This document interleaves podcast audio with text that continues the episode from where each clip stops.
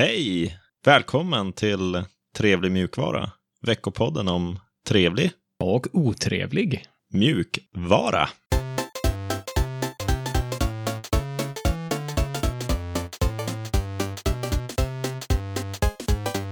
Jag heter Alex och med mig har jag som vanligt Seb. Tjena, tjena. Har du gjort något roligt den här veckan? Jag har jobbat ganska mycket den här veckan. Försökt att inte smälta bort i sommarvärmen vi har. Det är ju fantastiskt, men det är jobbigt att jobba inomhus när det är så här varmt. Jag tycker det är jobbigt att jobba utomhus också. När det... Det är nog ännu värre kanske, det- nu, nu när jag tänker på det. Ja. Vad ska vi prata om den här veckan då? Jag vill börja med lite nyheter. Sen kommer vi in på en otrevlighet. Sen har vi ett bra tips i våra trevligheter. Och sen lite uppdateringar på våra utmaningar och lite metasegment med frågor från våra lyssnare. Spännande, men eh, först nyheter.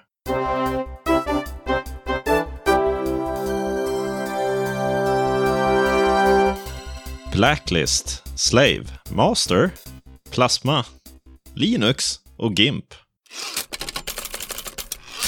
Blacklist, Slave och Master. Vad tycker du att de orden säger? Slave och Master har väl med gamla hårddiskar att göra? Ja, just det. Det är ord som är vidspridda i mjukvaruutveckling. Som eh, i och med vad som har hänt i världen nu det sista så har aktivister i mjukvarubranschen passat på att pusha för att ta bort sån här laddad terminologi. Så blacklist och whitelist är ju ett exempel på en sån här laddad terminologi. Ja, är det är det? det? Ja, det anspelar, eller kan tyckas anspela på hudfärg då. Så det är ju dealen med just de termerna.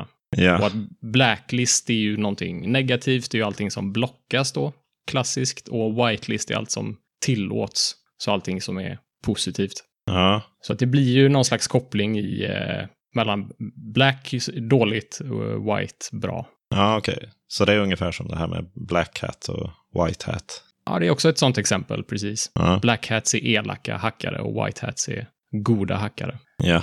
Eh, Och samma med Slave Master som också är en sån. Man får ju lite kopplingar till eh, slavhandel kanske. Saker som eh, vi inte tycker är så coola på 2000-talet. Så de här aktivisterna i mjukvarubranschen har pushat för att bli av med de här termerna. För att i dessa fall och i de flesta fall så finns det bättre termer att använda. Så de menar på varför inte passa på att med det här momentumet som finns i världen just nu ja vad, vad ska man byta ut Blacklist mot? Ett förslag som också har genomförts i Google Chrome, i Chromium-projektet, Ja, är blocklist och allowlist istället för blacklist, whitelist. Ah, Det är ju mycket tydligare, tycker jag, än black och whitelist. ja. Ett exempel på företag som redan har gjort den här förändringen eller funderar på, eh, snackar om att göra den nu är Google Chrome då, som sagt, som ska byta till blocklist allowlist.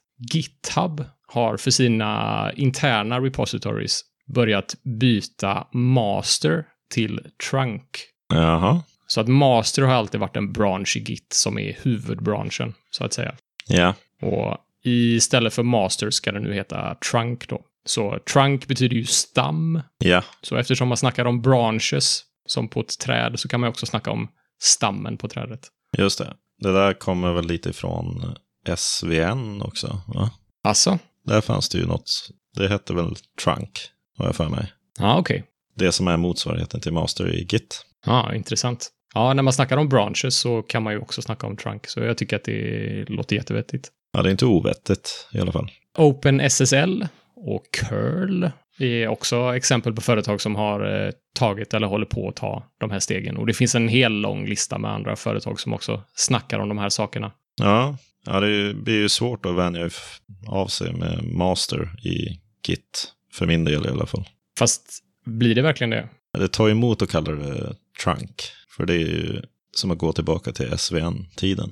Ja, men ingenting annat förändras ju. Jag tror Nej, att jag eh, sådana här men det- förändringar, men de kan verka jobbiga, men förutsatt att det inte blir något problem med koden och att eh, dokumentation och så vidare hålls uppdaterad med de här nya termerna, så är jag helt övertygad om att folk kommer vänja sig. De kommer börja kalla det för blocklist eller allowlist istället för black och whitelist utan problem. Det är ju väldigt själviskt kan jag tycka på något sätt och köra argumentet. Det är jobbigt och jobbigt för mig att komma ihåg nya termer.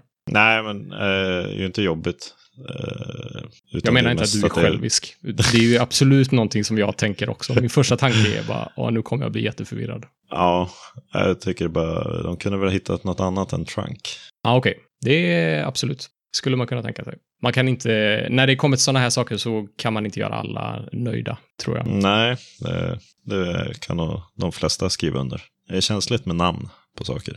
Ja, det är verkligen. Det är det svåraste när du skriver ett program och namnge saker. Ja, Det är ju 90% av tiden går ju dit. alla ska tycka till om saker. Ja, precis. Ja, men jag tycker summa summarum att det är en eh, bra sak egentligen. Även om det kan bli lite jobbigt i början så är det, finns något slags greater good i eh, bakgrunden. Och jag tycker att vi alla kan göra den lilla efforten att börja kalla det något annat för andra personers... Eh... Ja, det skadar ju ingen, tycker jag. Nej, det tycker inte jag heller. Plasma 5.19 har ju dykt upp i etern. Ja, en ny version av Plasma. Vad är Plasma för någonting? Plasma är ett eh, skrivbordsgränssnitt till, eh, till Linux. Mm. Och det kör, jag kör Plasma på Manjaro som jag sitter med just nu. Kör du också Plasma? Ja, men jag körde på KDE Neon. Okej. Vad är det som är nytt med 5.19 då? Mycket bra fråga. Det är en release som fokuserar på polish framför allt.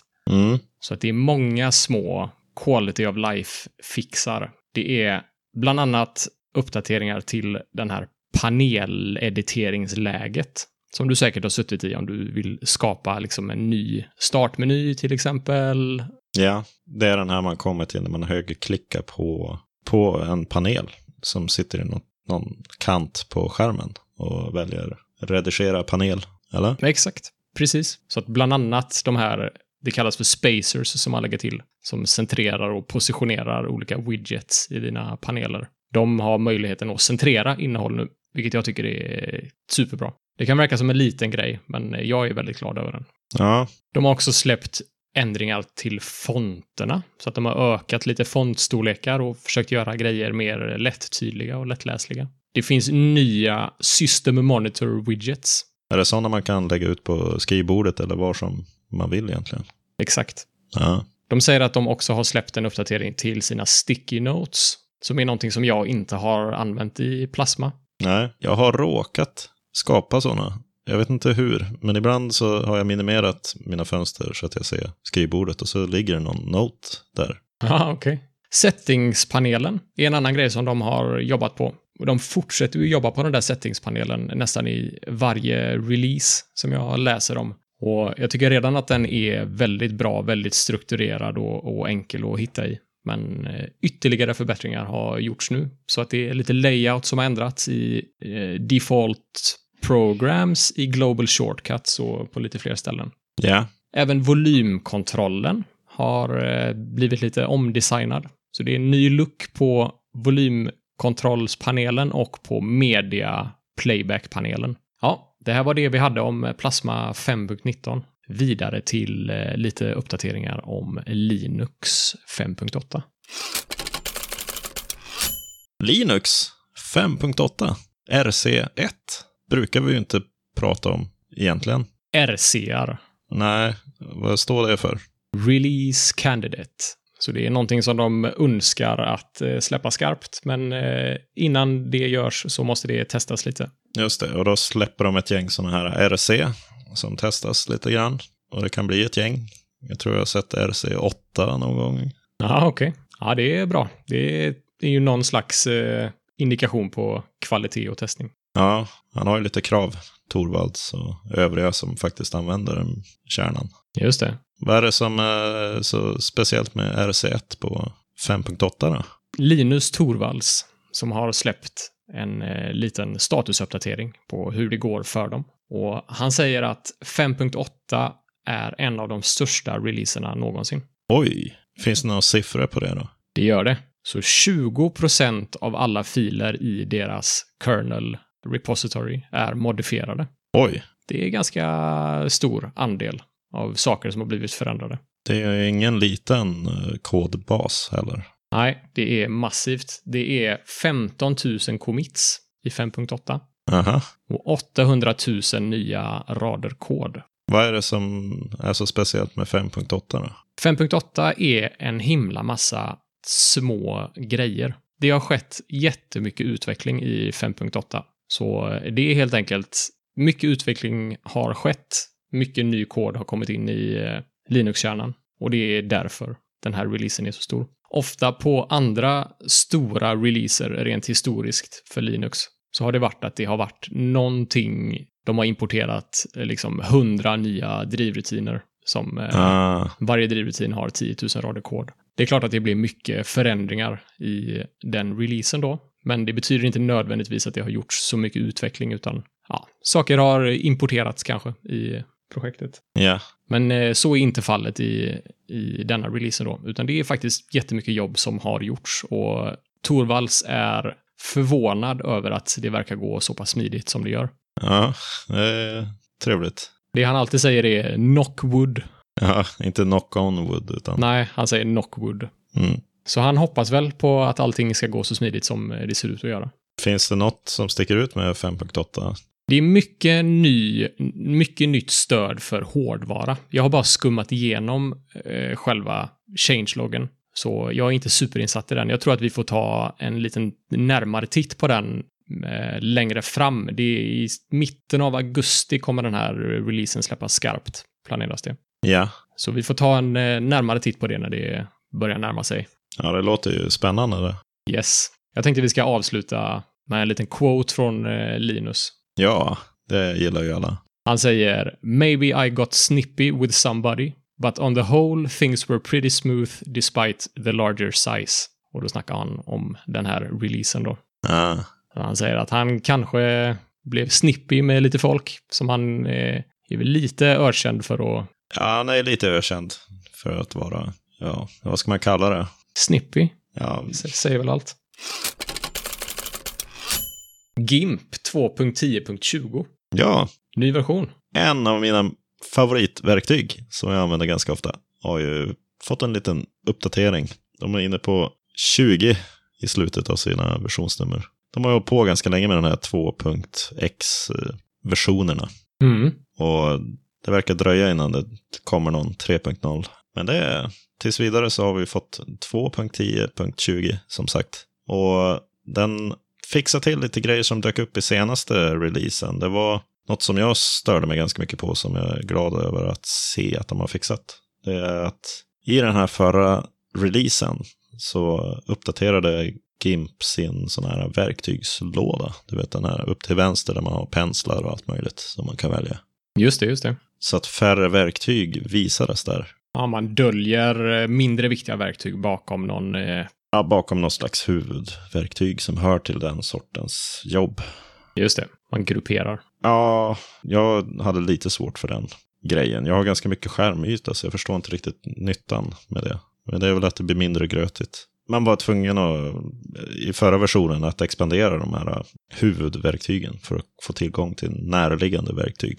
Nu har man uppdaterat så att det räcker att man hovrar med musen, eller muspekaren, över det här huvudverktyget. Så får man en lista på de underliggande verktygen också. Mm.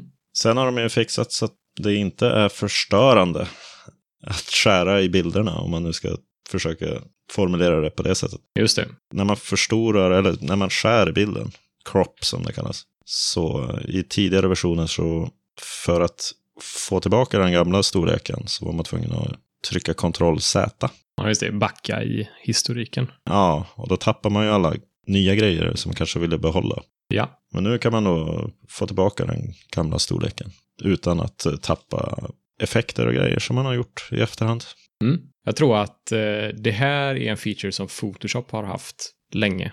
Ja, ja, det är något som man nämner också, att det här är något som har efterfrågats väldigt länge. Mm. Så det är ju kul att se att de har fått till det. Ja, schysst. Ja, och eh, lite nya effekter för att göra det suddigt. Kanske inte låter så fräckt kanske. Men ja, det, men det tycker jag. ja, bland annat så tycker jag det verkar intressant med den här variabel suddighetseffekt, om man nu ska översätta det. Variable Blur. Ja. Som gör det möjligt att skapa sån här suddighet då, utifrån ett annat svartvitt lager. Mm, jag förstår. Som en eh, mask. Det blir som en, eh, en gradient av suddighet. Ja, precis. Coolt. Så det öppnar ju lite nya dörrar och gör det, gör det lite enklare. Snacket på nätet är ju att många tycker att det är just den här suddighetsfokusverktygen i GIMP har varit riktigt, riktigt bra. Och nu blir det ju ännu mer kraftfullt. Så det är kul. Har en liten edge på, på vissa delar. Jag har använt en del eh, GIMP nu, det sista. Ja, hur har det funkat? För du kommer från Photoshop. Ja, jag har ju aldrig varit någon stor eh, bildmanipulerare. Är du mer en sån här Inkscape-nisse? Va? Ja, Inkscape tycker jag är rolig att sitta i, men det finns ju bara väldigt begränsad bildmanipulering man kan göra där. Mm. När det kommer till rasterbilder så vill man ju inte sitta i Inkscape. Nej. Men då är det är Photoshop jag har suttit i, precis som du säger. Men eh, GIMP är ju det solklara alternativet när, ja, jag, jag skulle säga när man sitter på Linux. Ja, det är lite krångligt att få igång Photoshop på Linux, minst sagt. Och dessutom kostar det ju en massa pengar. Ja, Och GIMP är gratis. Och för mina behov så är det mer än kompetent nog. ja, och jag eh, började ju min resa med Photoshop och jag har väl använt GIMP i över tio år nu och känner att Photoshop är väldigt konstigt jämfört med GIMP. Ja, det är definitivt ett eh, bra program. Det är lite andra tankesätt jämfört med Photoshop, men i det stora hela så funkar det ju exakt likadant som Photoshop gör. Ja, ja en del trevliga nyheter där. Ska vi ta och kika på, på något annat? Ja, vi får väl göra det. Otrevligheter. Nu har Google blivit stämda på 5 miljarder dollar. Jajamän. Hur mycket pengar är det? Det är 5 miljarder dollar. Jag har svårt att kunna... Vi kanske ska fråga vår expert. 400 000 euro motsvarar ungefär i svenska kronor 40 000 miljarder kronor. Och det är väldigt mycket pengar. Ja, det är väldigt mycket pengar, det har ni rätt i. Det är Faktiskt. väldigt mycket pengar. Men är det det för Google? Och vad blir de stämda över? De blir stämda över att de marknadsför sin privat browsingfunktion som Ja. att du ska kunna surfa på nätet privat. Medan det i verkligheten eh, inte alls är privat, visar det sig. Okej, när man öppnar de här privata inkognito-flikarna. Precis. Det ges ju sken av att man är helt privat och säker när man öppnar de här. Och läser man inte det finstilta så är det ju lätt att missa att det faktiskt är en himla massa tracking som fortfarande sker. Ja, och då blir de stämda över att det inte är tillräckligt tydligt då, eller? Ja, det verkar vara essensen av eh, själva stämningen. Så att den är ju riktad mot användare som kanske inte har så mycket kunskap och inte riktigt vet hur saker på nätet fungerar och hänger ihop. Men de ger som ett argument att 70% av alla sajter på nätet använder Google Analytics, vilket är en fruktansvärt hög procent. Det förvånade mig när jag hörde den siffran. Fruktansvärt mycket. Det är fruktansvärt mycket. Och så fort du är inne på en sajt som har Google Analytics så kommer all data som de kan komma över om dig skickas till Google servrar. Och om det är möjligt att koppla ihop den här datan med dig som person så kommer de också att göra det. Och den här datan används ju som vi alla vet för att tjäna pengar i slutändan. Ja. Och man kan väl göra argumentet att den också används för att skräddarsy upplevelsen för att göra det bättre för användaren. Men det är sekundärt i mina ögon. Vem är det som stämmer dem? Det är en advokatbyrå i USA som stämmer dem. Och det är en så kallad class action lawsuit, vilket betyder att det är inte bara en målsägande, utan eh, ja, det här påverkar potentiellt alla som har använt en eh, Google webbläsartjänst då, som har den här privat browsing-funktionaliteten. Ja, okej. Blir de stämda över att de använder sina Google Analytics på folk som är i inkognito-läge? De blir stämda över att webbläsaren och funktionen ger sken av att vara helt privat när den egentligen inte är det. Ja, okej. Så det är för dålig information till slutanvändaren om att de faktiskt trackas även om de är inne i det här privat browsing-läget. Okej, det är för många som tror att de hamnar i någon hemlig tunnel som inte går att läsa av. Just det. Att de är på deep web. Ja, precis. Och det är ju, som vi vet, inte det som händer när man öppnar ett privat webbläsarfönster. Nej, det är det inte. Är du inloggad på till exempel Facebook i en tab och öppnar någon annan Google Analytics-kopplad sajt i en annan tab, så det finns väldigt lite som isolerar tabbar. Utan all information är, är fri att flöda mellan tabbar, förutsatt att man har den här Google-integrationen på, på båda sajterna. Jaha, Så är du inloggad på Facebook så kan de identifiera att det faktiskt är du som person som sitter vid den här datorn och då koppla all, all möjlig data som de samlar i andra tabbar till eh, dig som person. Så det är en spännande stämning, tycker jag. ja. Jag vet inte om eh, man nödvändigtvis eh, kommer vinna den. Vi får väl se och följa den. Men det är ju ett steg närmare mot att få användare medvetna om vad, vad som faktiskt händer när de surfar på sajter. Och jag tror bara det är kunskap hos slutanvändaren som kommer att kunna sätta stopp för sådana här saker. Det, man lever i en bubbla där man, det känns som att alla vet, alla känner till hur det här fungerar. Mm. Men det finns ju otroligt mycket folk som bara är helt vårdslösa. Ja, den stora massan, skulle jag säga. Det, ja, det man kan hoppas på är väl att, de blir, att den stora massan blir lite mer varse om vad det handlar om. Och att Google kanske hjälper till att upplysa om de här fallgroparna, kan man kalla det kanske? Ja, ja jag håller med till 100%. Google behöver vara en spelare på rätt sida den här debatten. Så att eh, de behöver fokusera och satsa på att eh, utbilda istället för att nästan dölja att de fortsätter att samla data om dig. Ja, vi får väl se vad det blir av det där. Får vi följa upp? Ska vi ta och kika på lite trevligare marker kanske? Ja, snälla. Trevligheter! Fusk! Eller cheat. Cheat får vi nog lov att kalla det, tror jag. För det är det det heter. Det är ju namnet på det här verktyget som vi ska tipsa om här. Ja, och den har både cheat som organisation och cheat som projektnamn i GitHub.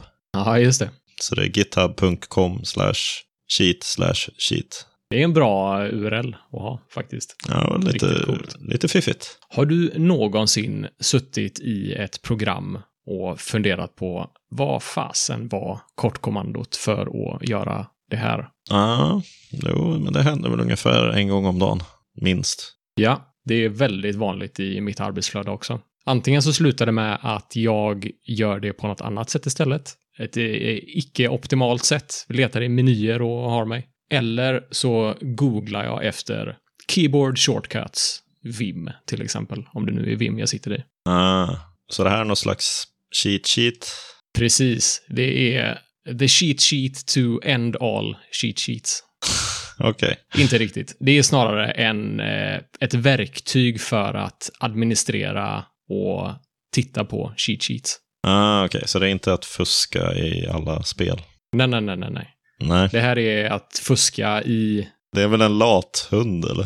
Ska man kanske kalla det på svenska. Ja, precis. Så man är lat. Exakt. Ja. Så problemet jag tycker är att det är jättesvårt att hitta kortkommandon och de är aldrig skrivna på samma format. Ibland finns de på någon dokumentationssida, ibland finns de på en GitHub-sida, ibland finns de inte alls. Jag vet inte, det är bara jobbigt att leta upp eh, kortkommandon för diverse olika program. Ja, och sen byter de kortkommandon ibland mellan olika versioner också. Det gör de också, precis. Så hittar man någonting från 2008 som inte alls funkar. Ja, Ja, precis. Så det här är ett terminalverktyg, alltså ett kommando du kan köra i din terminal. Som kommandot heter sheet och så skriver du sheet mellanslag vim till exempel. Så får du Ah. upp en cheat sheet för kortkommandon i vim. Men är det information om kommandon också? Det är precis vad man vill att det ska vara egentligen. Så du kan skapa vilken typ av cheat sheet du vill. Det finns en community-driven eh, eh, lista med eh, sheets som du har möjlighet att installera första gången du startar programmet så kommer den fråga dig, vill du installera community sheetsen?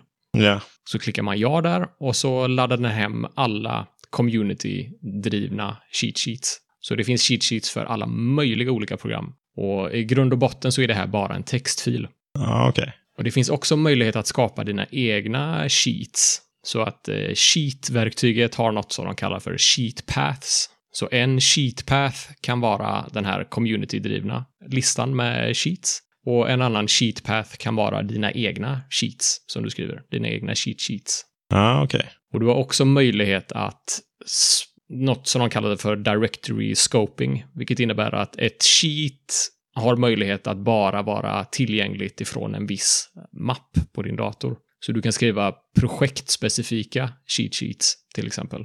Okej, men det finns ju något liknande terminalprogram för sånt här. Som TLDR är en sån. Och Bro Pages. Så man skriver Bro och så tar.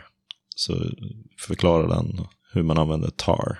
Ja, okej. Är det en, eh, en ordlek på man-kommandot, tror jag? Ja, det är nog mer att man vill ha en bro när man sitter i terminalen som hjälper en. Okej. Jag trodde det var, vanligtvis är det man, men eh, nu kan man skriva bro också. Så det här är ju, det, det du säger nu, det gör ju det här verktyget också. Alltså det är väl en mer koncis variant av eh, en manual. Mm. Det är mera konkreta exempel. Precis, Ja, exakt. Eller det är vad du nu vill att det ska vara. Men de här community-drivna cheat sheetsen, de är väldigt eh, konkreta ofta. vi kan väl göra en liten snabb jämförelse mellan den här och de andra på GitHub. Den här cheat sheet har ju 6000 stars på GitHub och TLDR har 1200 och sen verkar Bro Pages ha 365. Ah, Okej, ja. Den verkar ju mest poppis av de här. Ja, ja, jag har bara testat den här Sheet och jag tycker att den är supersmidig. Jag har länge letat efter något sånt eh, samlat verktyg eller arbetssätt för att kunna få fram kortkommandon på diverse program. Ja, den får jag ta med en titt på. Det tycker jag. Bra tips. Utmaningar. Ja, Sebs Linux-äventyr rullar vidare. Vad har du för spännande på horisonten nu då? Ja, nu är det någonting som inte riktigt är Linux-relaterat. Är nörd? Det är nörd, ja precis. Sebs nördäventyr är det vi är inne på nu. Mm. Och det som är mitt projekt just för tillfället är att jag ska försöka lära mig det som kallas för touch typing. Jaha, är det att man pe petar på en eh, pekskärm när man ska skriva? Ja, det låter nästan så. Men det betyder bara att du ska ha korrekt eh, fingerposition på tangentbordet och du ska kunna skriva utan att eh, titta på tangenterna. Aha, Det är liksom hela konsten bakom att eh, kunna skriva så snabbt och effektivt som möjligt utan att titta på tangentbordet. men du tittar ju inte på tangentbordet nu va? Nej, det gör jag inte. Men mitt sätt att skriva är någon, det är ett monster, tror jag. En eh, Frankenstein, eh, Det är någon Frankenstein-variant av korrekt touch-typing. Precis. ja det är nog många som har det tror jag. Man har ju lärt sig, jag har aldrig tagit tiden att lära mig hur man ska göra det på korrekt sätt. Så alla misstag som jag gjorde i början har ju bara ökat eh, exponentiellt med tiden som går, som sagt. Ja, och nu när du har suttit i Vim så kanske du börjar fundera på det här då? Eller? Det är precis därför som eh, jag har blivit intresserad av att bli bättre på det här nu. Ja, för det där kände jag igen. För jag tyckte också att det var, ja, det känns som att Vim är skapat för att man ska hålla händerna på något visst korrekt sätt. Exakt. Den är ju skapad för hemraden som är JKL eh, Ö då i mitt fall. Och ASDF. Det är ju där man ska hålla båda fingrarna i sin default-position, så att säga. Mm. Och precis som du säger, många av Vims kommandon utgår ju från den hemraden. Ja, Så när jag inte sitter så, så känns det som att jag inte kan utnyttja Vim. Och vissa grejer är väldigt eh, awkward och konstiga att göra för mig. För att jag har fel reflexer eh, när jag ska skriva vissa, texten, vissa tecken. vad är det för länk du har lagt in här då? keybr.com. Det är bara första bästa övnings eller träningsprogram för att lära sig touch typing. Ah, okej. Så det är en webbapp som har lite artificiell intelligens i sig, säger de. Har den någon blockchain? Nej, jag tror inte den har blockchain. Nej, okej. Men den, den servar dig med uppgifter baserat på vad du är bra eller dålig på. Ja. Så att eh, missar du ofta e-tangenten så kommer den att serva många ord med e i, Ja. till exempel. Okej. Så det är bara första bästa, keybr.com. Men Mm. om det finns någon annan som har något annat roligt, eh, bra sätt att lära sig touchtyping så mottar jag gärna tips Skicka in era tips. Det mottas ju med öppna. armar. Nu är det dags att blicka inåt, för nu är det meta-segmentet. Det berömda, ökända metasegmentet. Ja, det är här vi interagerar on air med våra lyssnare. Det är här vi öppnar upp oss och tar emot dolken. Ofta är det ju bara positiva saker. Ja. Det är jätteroligt. Jo. Vad är det denna veckan? Det har varit lite snack om att, eh, eller förfrågningar kanske man ska kalla det, om eh, andra kommunikationskanaler än Telegram. Just det. Vi kör ju nästan enkom Telegram nu när det gäller att kommunicera med våra lyssnare, va? Ja, och Mastodon och Twitter. Just det. Men eh, Isak i vår Telegramkanal saknar en XMPP-kanal. Är det något vi skulle kunna fixa? Jag vet inte, alltså det, är det fler som vill att vi ska skaffa en sån? är väl frågan. Ja, de har ju ingen möjlighet att svara här eh, live. Nej, så det behövde inget. Vad synd. ja, men var, varför vill man ha en XMPP-kanal? Jag är inte riktigt säker på XMPP är ens. Något annat protokoll för att eh, chatta? Ja, det är väl något som har funnits mycket längre än eh, Matrix. Okej. Men jag är ju lite sugen på Matrix, för då kan man koppla ihop Matrix med alla våra teknologier. Nu låter det som att vi har flera teknologier, men om vi skulle ha en XMPP-kanal så, en, eh, så har vi en Telegram-kanal. Om man kör det via, om man har någonting i Matrix så kan man koppla ihop alla. Ja, det känns är ju lite- som det allra smidigaste. Det är lite Då kan man ju den... bara koppla på utan att behöva flytta ett helt community till en annan tjänst. För det finns ju en risk och det är ju eh, lite jobbigt att göra det, kan jag tänka mig. Jag vet inte exakt hur det funkar, men vi får kika vidare på det där tror jag. Mm. Ja, vi har lite i eh, kikan där. Så att eh, stay tuned. Det kommer eh, uppdateringar där. Sen uppskattar vi ju det väldigt mycket om ni vill lämna en eh, trevlig liten recension. Ja, på iTunes eller eh, Google Play eller vad alla tjänster nu heter. Vi ser att eh, det är några som har lämnat recensioner faktiskt, jättefina recensioner. Och man blir ju superglad av att läsa det där.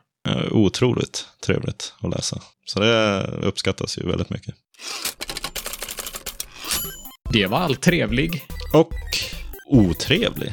Mjukvara vi hade för denna veckan. Hör gärna av er till kontakt trevligmjukvara.se. Och följ oss på att trevlig mjukvara på Twitter och Mastodon om ni vill fortsätta diskussionerna eller ge någon annan slags input. Vi har även Telegramkanaler fortfarande. Och kanske Matrix i framtiden. Mm, får vi se. Vi hörs nästa vecka. Trevlig mjukvara på er! Trevlig mjukvara!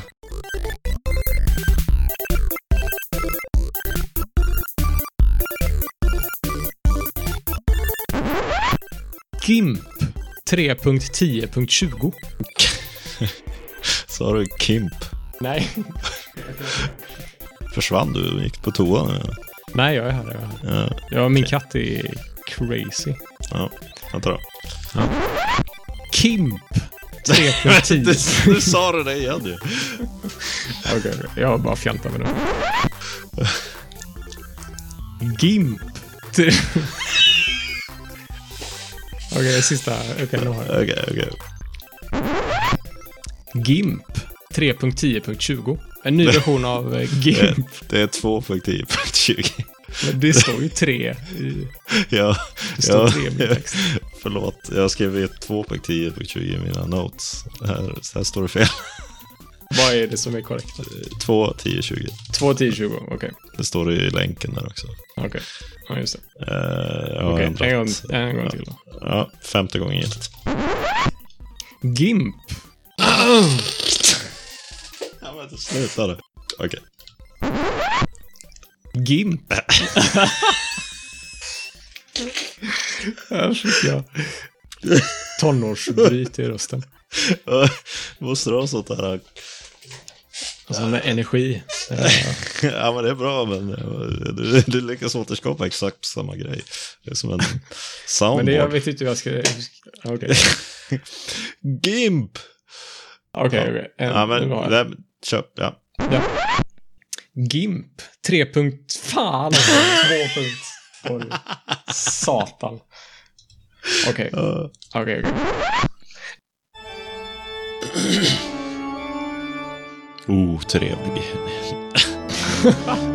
det var den vekaste otrevligheten. Oh, Gud.